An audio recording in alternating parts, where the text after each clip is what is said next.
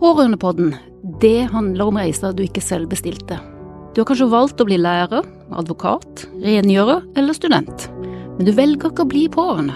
Likevel så blir du det minst én gang i livet, enten det skyldes sykdom, alderdom, ulykker eller noe annet. Pårørende, det er de usynlige og utnytta omsorgsarbeiderne i Norge, selv om de yter nesten 50% av all omsorgen som gis. Her setter vi søkelyset på pårørendes mange utfordringer.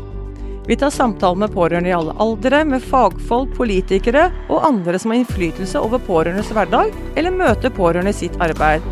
Vi skal få frem de ulike perspektivene, og skal belyse ulike deler av omsorgen, både på godt og vondt.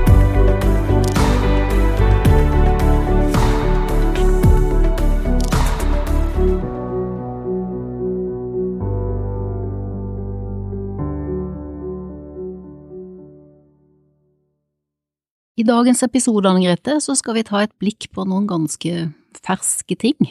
Egentlig en ny nasjonal pårørendeundersøkelse. Det er, jo, eh, det er jo sånt som vi liker, det å få kunnskap og fakta og se hvordan eh, ståa er der ute. Ja, det er egentlig veldig eh, spennende. Vi har jo, det har jo vært en tidligere, mm. og vi har jo vært pådriver til at myndighetene skulle sette av penger til det. Mm. Og dette er jo nummer to. Mm. Og eh, vi har vært så heldige og få lov til å være med både i utarbeidelsen av den, mm. og ikke minst at vi også har fått resultatene mm. og fått presentert det. Mm. Så da er det litt gøy at vi kan eh, si litt om det, sånn i forhold til våre undersøkelser som vi har hatt, mm. eh, og hva slags funn som er funnet her. Eh, så det er det vi skal gå gjennom i dag. Det er det, for det er jo egentlig noen lange linjer. Det dukka opp et bilde på Facebook her for meg, da. Det var i 2017, 31. mars, det er ikke så lenge siden. Ehm, så dukka minnet opp, altså, og da så jo jeg at det var fem år siden vi hadde presentert våre resultater. Fra den første undersøkelsen i 2016 som kom i 2017, så hadde vi 3500 i en landsdekkende pårørendeundersøkelse da. Og året etter så dobler vi det med 6500 som besvarte da i 2017-18 resultater. Så har vi jo gjennomført en kommuneundersøkelse, og så har vi jo gjennomført koronaundersøkelser, og så hadde vi også undersøkelser i 2020 med koronaspørsmål, så vi har jo vært interessert i det, og brukte da også en validert undersøkelse fra et, en av våre søsterorganisasjoner som base for eh, disse undersøkelsene vi gjorde, og det som er fint, det er å se at de spørsmålene var så gode at de er jo faktisk med inn i eh, stor grad i den nasjonale undersøkelsen som er gjort.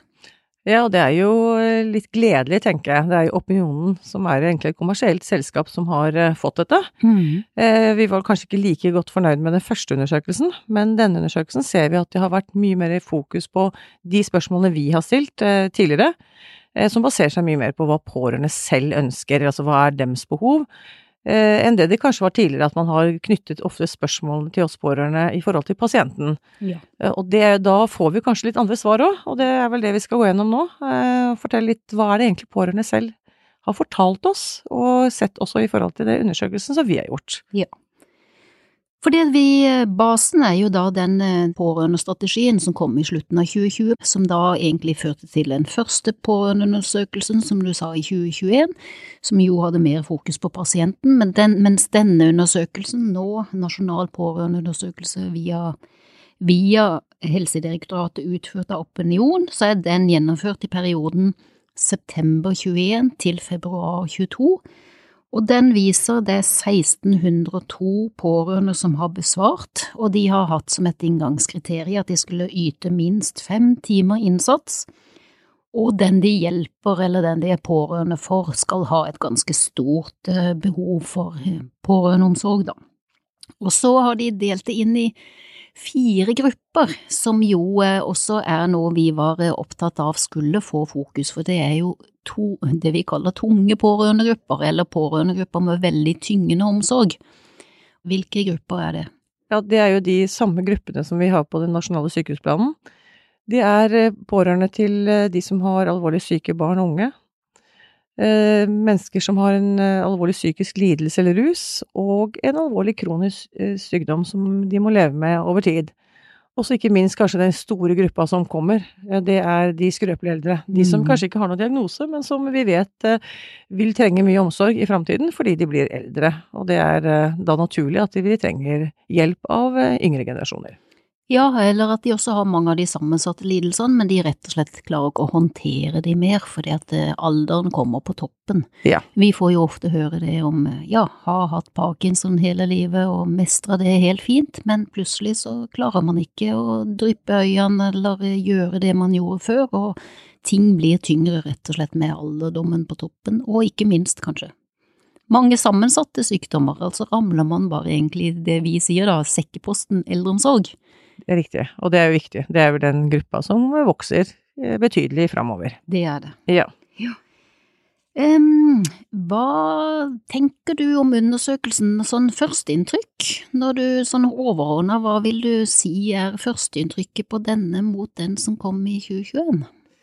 Eh, det førsteinntrykket når vi fikk presentert den og så det, så var det veldig positivt. Vi, jeg syns jo den, eh, den, Jeg kjenner meg godt igjen i det, i det arbeidet vi gjør. Altså det var um, veldig mye av de samme funnene vi har eh, vi funnet i våre undersøkelser som eh, peker på dette her. Mm. Og så er det vel kanskje noen, det vil alltid være noen overraskende funn, eller man, man får litt andre svar, litt tydeligere svar, som jeg syns virker bra, sånn sett i forhold til det, det vi får tilbakemeldinger av medlemsorganisasjonene våre, de tilbakemeldingene vi ser, og den kunnskapen man også produserer i forhold til forskning. Så Veldig bra, eh, veldig fornøyd med den, og jeg tror dette kan være et godt utgangspunkt for å sette i gang gode tiltak og hjelpe pårørende i framtiden. Mm.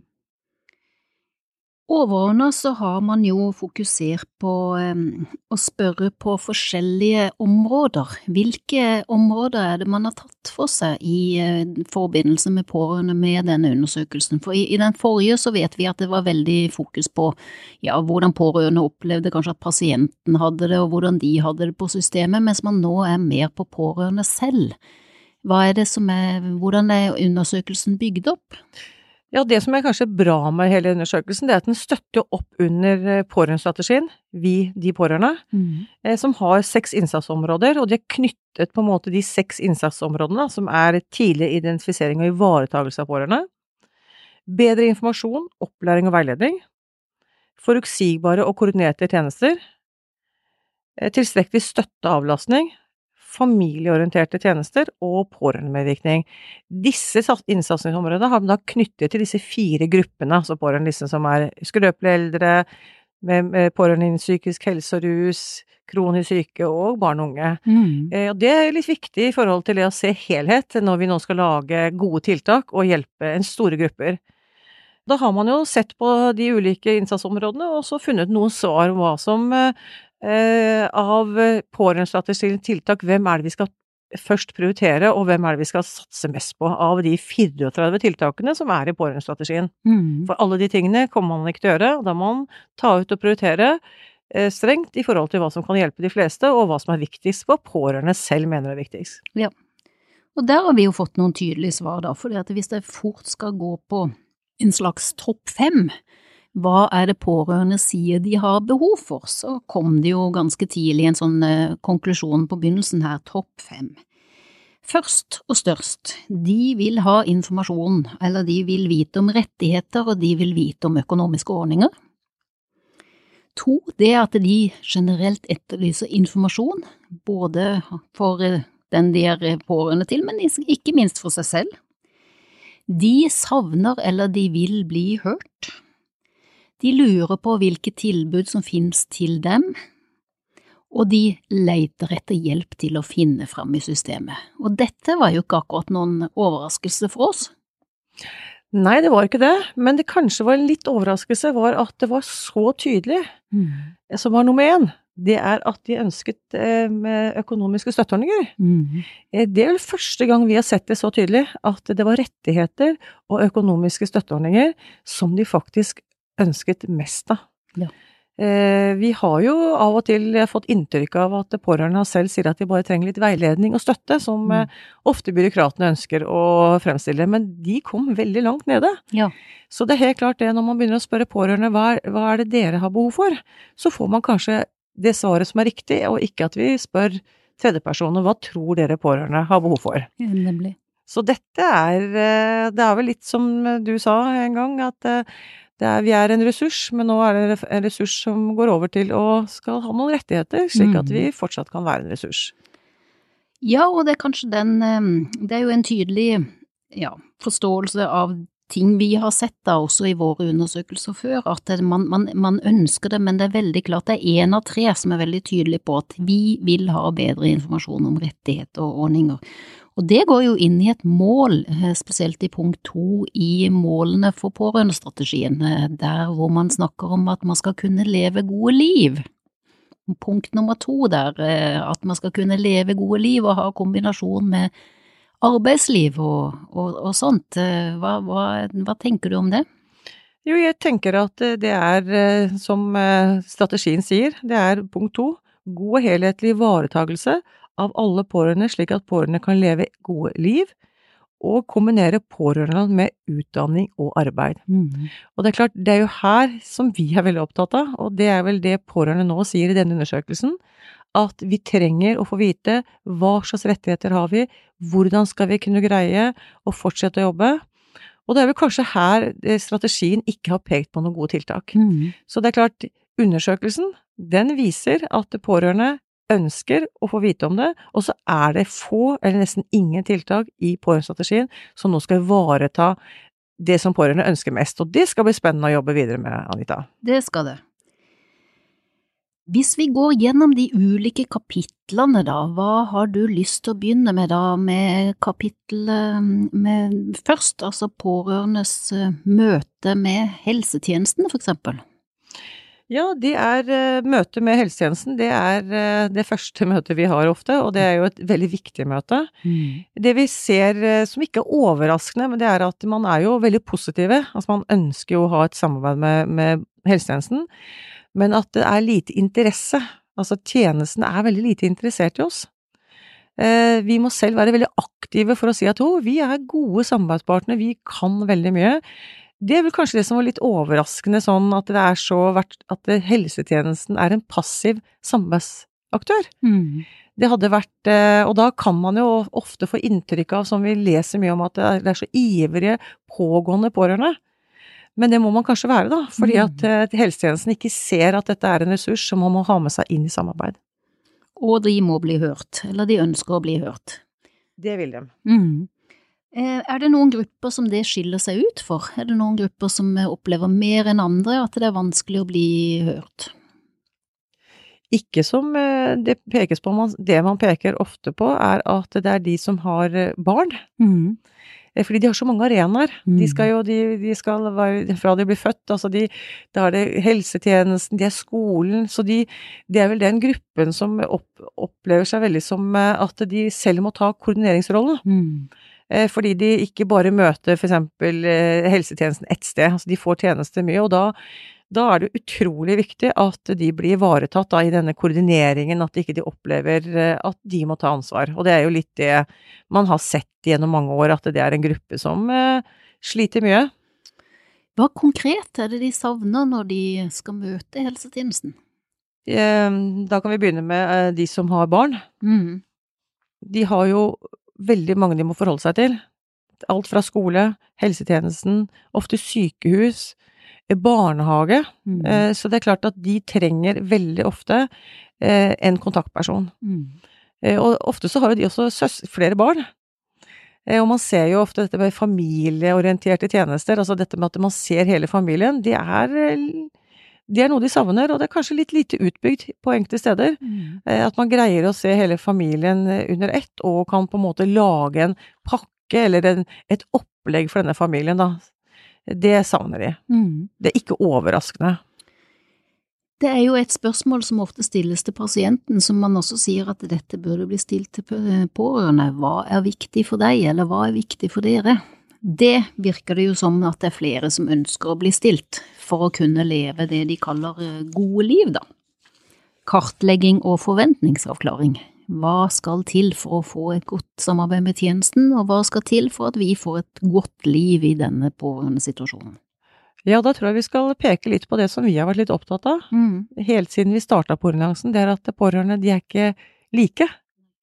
Så en familie kan være tilsynelatende ha de samme utfordringene, men vi trenger ulike tjenester. Mm. Vi har ulike ressurser, og vi ønsker også Noen ønsker å være mer hjemme sammen med barna sine. Eh, da må man kanskje tilrettelegge hjemme. Andre ønsker kanskje å være med på jobb. Eh, og man har ulike ressurser, og det tror vi kanskje er det som mangler. Mm. Fordi man har ofte kanskje standardløsning i kommunen, eller man mangler mye tiltak. Men istedenfor, som du sier, hva er det som er bra for meg mm. og min familie? Det tror vi blir ofte billigere og bedre for alle parter. Men da må man lytte. Mm.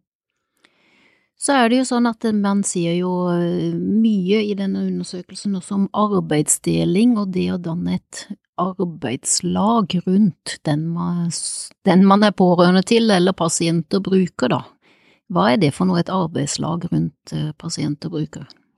Ja, det er jo at vi skal samarbeide, da. Mm. Og eh, hvis vi skal samarbeide, så må vi jo vite hva vi skal gjøre. Nemlig.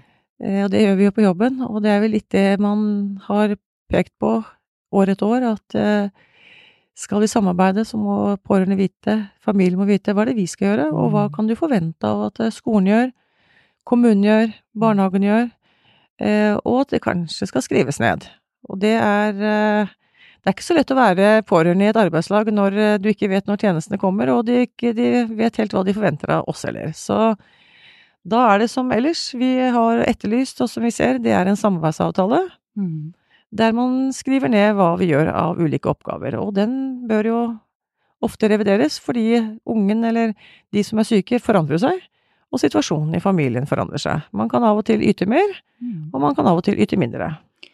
Og dette kan jo være veldig aktuelt også for de andre pårørendegruppene, da, for å sette at du er pårørende til noen eldre, eh, og du, de bor et stykke unna, og du lurer på hva skal vi bidra med, og hva bidrar egentlig hjemmetjenesten med, eller eh, hva stiller de opp med, og, og, og det, man bare vet ikke hva som ikke blir gjort av de, eh, og oppdager det kanskje litt for seint, at oi, her var det gått litt langt, ja, mor trenger jo hjelp til det, og eller far trenger hjelp til det, eller partneren min får ikke til det når jeg er på jobb, og så videre. Så det er jo noe med en kartlegging og forventningsavklaring som man eh, også får dekka da i en sånn type. Det, det går jo veldig tydelig igjen at at man ønsker at noen sier hva gjør dere, hva gjør vi, så det er jo en av de klare tingene som, som kommer her, uansett hvem man er pårørende til. Ja, og det er jo veldig viktig. Jeg tenker at det er jo mye pårørende kan gjøre som de ikke gjør fordi de tror andre gjør, mm. og det motsatte. Og så er det jo eh, det med eldre òg, jeg tenker at du sier liksom, vi som er kanskje skal hjelpe våre foreldre, men det er jo ikke minst i forhold til ektefeller. Mm. Jeg tenker eh, man vet ofte med demens eller andre kognitive svikt at de blir, blir ofte ikke bedre. Eh, og at det utvikler seg eh, at man da kanskje trenger mer avlastning etter hvert, og man trenger kanskje mer hjelp i hjemmet sitt. Og det er en sånn eh, prosess, og da må dette kartlegges, og eh, at man må kanskje få på mer tjenester etter hvert, og litt mer avlastning. Eller det kan også være det motsatte, at man får hjelp andre steder. Mm. Dette er et, og det å være et arbeidslag er faktisk å hjelpe hverandre, mm. og at det ikke går én vei. Ja, og så er det kommunen som kanskje i sine grunnprinsipper burde se på hva gjør den formelle omsorgen, og hva gjør den uformelle omsorgen for at dette skal gå rundt, rundt de som trenger, trenger denne hjelpa, eller som er så heldige at de har pårørende som faktisk ønsker eller vil hjelpe til, da. Ja. Og der er det jo litt ulik behandling, fordi at hvis man da spør om noe, så er det jo mange som føler at de blir da den krevende. Da er man krevende hvis man spør om mer hjelp eller mer mer tjenester til den eh, som det gjelder. Så ja, og undersøkelsen sier det, det, det, i noen dybdeintervjuer også som på en måte peker på, det er at det, eh, veldig mange pårørende føler at de gjør oppgaver som kommunen burde ha gjort. Mm. Eh, og det litt, går jo litt på alle de rollene som pårørende har, da. Det er jo også litt viktig, for liksom, hva er det man gjør som pårørende? Eh, man utfører mye praktiske oppgaver. Det er jo det som eh, undersøkelsen viser, at eh, hele 73% gjør en del praktiske oppgaver overfor mm. den som har behov. Og det er faktisk hele 60% som utfører omsorgs... Altså som er omsorgspersoner, som pleier omsorg. Mm. Da er det ikke bare det å, holdt jeg på å si, hjelpe til med middag, men da er det mer en omsorgsrolle. Og nesten halvparten av sier at de må ha kontakt med helsevesenet. Altså de må mm. ta over representere den som er syk, overfor myndighetene eller helsetjenestene. Så de har jo både nesten holdt på å si være en advokat, eller mm. koordinator til å gjøre omsorg, pleie og det å måke snø, lage mat, så de har mange roller, mm. og tenker at det er utrolig viktig at kommunen ser at de er en ressurs, det vet de at de er, men at de ikke misbruker den ressursen, og at de kommer inn og kan bistå og hjelpe de, så de greier å leve sine gode liv, som vi begynte med. Mm. Ja, det er den ressursen, men den kan jo i høyeste grad eh, tappes tom eller misbrukes, og det, er jo en liten sånn undertone i flere av svarene her, at det er mange som føler at de blir litt misbrukt, og fordi de ikke blir hørt eller oversett eller ikke kommer gjennom med sine synspunkter. Ja, det er vel eh, det som uh, igjen Jeg syns jo det var uh, i undersøkelsen her de kaller det et arbeidslag, det er jo mm. noe fint med det òg. Mm. Det er bare at vi har, er fortsatt ikke med i laget. Nei, ikke sant. Så det jeg tror at man må tenke at når man skal skrive det, så må man få med pårørende på laget. Uh, da tror jeg man kommer lenger. Og det er som du sier, spesielt dybdeintervjuene i undersøkelsen, mm. de er vel å merke seg. Det er mye fortvilede eh, intervjuer. Mm. Og dette med at de ikke opplever, selv om de yter veldig mye omsorg, at helsetjenesten ikke er interessert i hva de kan, hva de gjør, og at de selv må være aktive, og de opplever veldig lite at de kan medvirke i tjenestene som gis. Og det er, det er ikke noe hyggelig lesning, syns jeg. Nei, det er ikke hyggelig, og det er jo litt sånn på grunnprinsippene i det, for hvordan kan man egentlig være en ressurs, eh, men man har egentlig veldig få rettigheter. Så slå tilbake til første, første prinsipp igjen, altså blir man da egentlig utnytta? Ja, det er jo det de sier på mm. dette, at de opplever at de ikke er involvert. Eh, da, hvis ikke du er involvert i det du er med noe, så du, kan du ofte oppleve deg utnyttet. Og så mm. er det jo noe vi vet, og som også kommer fram av undersøkelsen, er at det er lite systematisk pårørendearbeid. Det er litt tilfeldig hvem som har mm. lyst til å prate litt med oss. Det er lite rutiner i helsetjenesten om at de skal ta kontakt med pårørende, at de skal eh, etablere noen rutiner. Sånn som bare som vi har jobbet så mye med, Anita, dette med pårørendeutvalg. Mm. Det burde jo vært lovpålagt for lengst at det er et mm. pårørendeutvalg i, i sykehjem, slik at de mm. systematisk får tilbakemelding fra pårørende hvordan det er.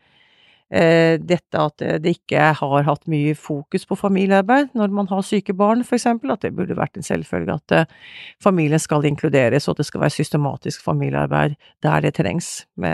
så det er jo det at vi ikke er en del av tjenesten, gjør også at vi blir tilfeldige, og det må vi jo vi, det er det vi jobber for. Mm.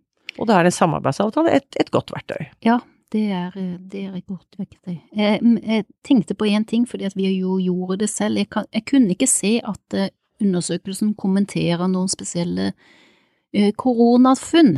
Altså dette at den faktisk er utført under koronaperioden, men det virker ikke som den har tatt og justert noe for det, eller tenkt at det har gjort det annerledes på noen som helst måte. Vi vet jo at når, da vi gjorde undersøkelse etter åtte uker, så var det jo veldig mange som sa det, altså tre av ti. Eh, jeg mener seks av ti hadde jo ikke blitt kontakta, og når det var gått et år, så var jo syv av ti som ikke var, var blitt kontakta, mens eh, det er ingen, eh, ingenting i den undersøkelsen som sier at man eventuelt justerer for at det har vært en koronasituasjon. Nei, eh, og det er eh, Det kan være en svakhet, men det kan vel være Det er vel to ting som ikke er tatt opp så mye i denne undersøkelsen som vi har vært opptatt av. Mm. Eh, og det er pårørendes egen helse. Mm. Og det er klart, vi tror jo det i den koronatiden, når de ble innestengt, eller utestengt, det at de har store belastninger selv. Det er lite spørsmål rundt det, hvordan du opplever din egen helse. Og våre undersøkelser er jo sier jo veldig mye om det. Mm. Eh, og også forskning viser at spesielt innenfor psykisk helse og rus, pårørende der har en dårlig helse. Mm. Eh, de har, eh, og man har hatt lite fokus på det, at de selv burde få tilbud om om det er trening eller om det er støttesamtaler, og hvor lenge pårørende ikke har noen rettigheter, som du sier. De får ikke noen støttesamtaler og psykolog eller i sin situasjon, det, da må de være så syke at de selv blir syke så er det klart det er en, eh, noe vi ønsker å ha kanskje litt mer fokus på framover. Mm. Eh, hvilke konsekvenser har det, hvor mye sykemeldte blir det? Eh, burde de være mer, bør vi mer fokus på det folkehelseperspektiv? Mm. Mm. Det er jo 800 000 pårørende. Forebygging. Forebygging. Mm. Det er det ikke tatt opp her. Nei. Men det, det er ikke noe vei for at vi kan ta tak i. Nei da, det må skje, vet du, fordi vi er jo opptatt av at man ikke får to pasienter ut av én diagnose, iallfall. Det er jo en ganske viktig bakteppe å ha på det hele, og det kan jo virke som at noen kan være på vei dit. Eh, eh, når man blir så utslitt at det blir langtidssykemelding eller uførhet eller, eh, eller egen uhelse som blir resultatet. Det var jo noen var jo noen som svarte det at det var vanskelig å være pårørende til en annen når man faktisk hadde sine egne helseproblemer å ta vare på underveis her, så Absolutt, og det var vel litt den eh, som eh, går også med dette med å kombinere rollen mm. i arbeid. Mm. Det er heller ikke gått dyp, godt nok dypt inn i dette her i denne undersøkelsen. Nei. Og dette med utdanning heller, altså man har ikke tatt det. Og det er jo utdanning går ofte på unge pårørende, mm. noe vi har stor satsing på, Anita. Uh, som vi håper jo at uh, at man skal ha en større undersøkelse på unge pårørende, hvordan, ut, hvordan de greier seg i utdanning når de skal ut i etablere seg, når de mm. har omsorgsroller. Ja. Og dette med at man har jo heller ikke spurt mye om hvordan det er å kombinere disse rollene med arbeid, da, om det er sykemeldte. Men det er noe vi også jobber med, i forhold til å få det på radaren til politikerne og andre. Ja. Du, hva tenker du, det står jo veldig mye om pårørendemedvirkning i denne undersøkelsen. Ehm, hva, hva, har du, hva har du sett der? Nei, som jeg sa i stad, det er eh, pårørendemedvirkning. Jeg syns jo vi som jobber i pårørendelansen på systemnivå, vet jo at det er lite pårørendemedvirkning på systemnivå. Mm. Eh, det er jo Vi er vel dem som leverer noe av det, men det er lite fokus på det, og vi ser jo heller ikke at det, myndighetene kommer til å ha noe mer fokus på det i dette året som er. Eh, når du ikke har noe særlig pårørendemedvirkning på systemnivå, så er det veldig sjelden at det blir så veldig fokus på individnivå. Og vi ser at det henger sammen med at de sier at de ikke opplever at det er eh, pårørendemedvirkning. De kan påvirke lite. Eh, og det mener jeg er veldig, veldig alvorlig, fordi mm. vi er en del av tjenesten. Vi bidrar like mye som helsevesenet. Og da er det utrolig viktig at vi kan gi tilbakemelding og være med på å lage gode tjenester i framtiden som eh, vi sørger for at vi kan bruke. Fordi vi har ikke råd til å lage dårlige tjenester for pasienten og pårørende i framtiden. Og da må vi på arbeidslaget, og det er vi fortsatt ikke med på. Vi har jo snakka opp om og er opptatt av dette med å kunne ta informerte valg, og det med å få og finne informasjon, det går jo igjen som et tydelig punkt nummer to, eh, det etterlyser pårørende. Eh, hvor finner de det? Det står ganske tydelig at det er bare to av ti pårørende som vet om helsenorge.no, og hva som ligger der av sider. De står at de må lete seg frem til kommunens sider og lete etter informasjon, men oppdager jo mange altfor sent hva som finnes av tilbud, hvor det er, og det blir litt sånn som, eh, som et sitat vi hadde fra våre undersøkelser, hadde jeg bare visst litt før, så hadde jeg valgt annerledes, gjort annerledes og, og, og tatt andre valg. Informasjon er essensielt. Ja, og som du sier, to av ti vet om mm. Helse-Norge. Mm. Og hvis man går inn på helsenorge.no, så mm. vet jo du og jeg at det er, det er mye som burde fylles der. Eh, det som undersøkelsen sier noe om, som er positivt med Vi har jo 34 medlemsorganisasjoner, Anita. Mm. Det er at eh, pårørendeorganisasjonene, brukere- og pårørendeorganisasjonene, de bidrar. Mm. Til å gi informasjon til pårørende, og det er iallfall viktig. Så mm. de prøver iallfall å gjøre en jobb ut fra sine diagnosegrupper. Mm. Men det er helt klart at eh, vi eh, Det kan av og til Man kan av og til lure på om man ikke vil informere om eh, rettighetene våre eller konsekvensene av valgene våre. Mm. For jeg er jo litt opptatt av det når man går ned i stilling som kvinne. Mm. Man skal ta seg av barn som er over 16 år, mm. eller 18. Du får mindre pensjonsrettigheter, du får kanskje ikke forsikring fordi du har fått en diagnose det er mange, mange konsekvenser av de valgene man tar. Mm. Eh, og det, det, kan du ikke lese noe selv om, så det må man enten høre med noen som har tatt de dårlige valgene. Mm. Men da har vi snakka om pårørendeundersøkelsen. Vi kommer helt sikkert tilbake til den. Eh, det er veldig mye mer å ta tak i når vi går grundig gjennom den, men eh, et lite overblikk og en god undersøkelse som absolutt gir Pårørendealliansen og medlemsorganisasjoner mye mer å jobbe med i årene fremover. Så takk for at du har hørt på. Takk. Er dette tema for deg eller noen du kjenner? Følg oss gjerne på sosiale medier, hvor vi synliggjør og gir de pårørende stemme. Du finner alle lenkene i episodebeskrivelsen.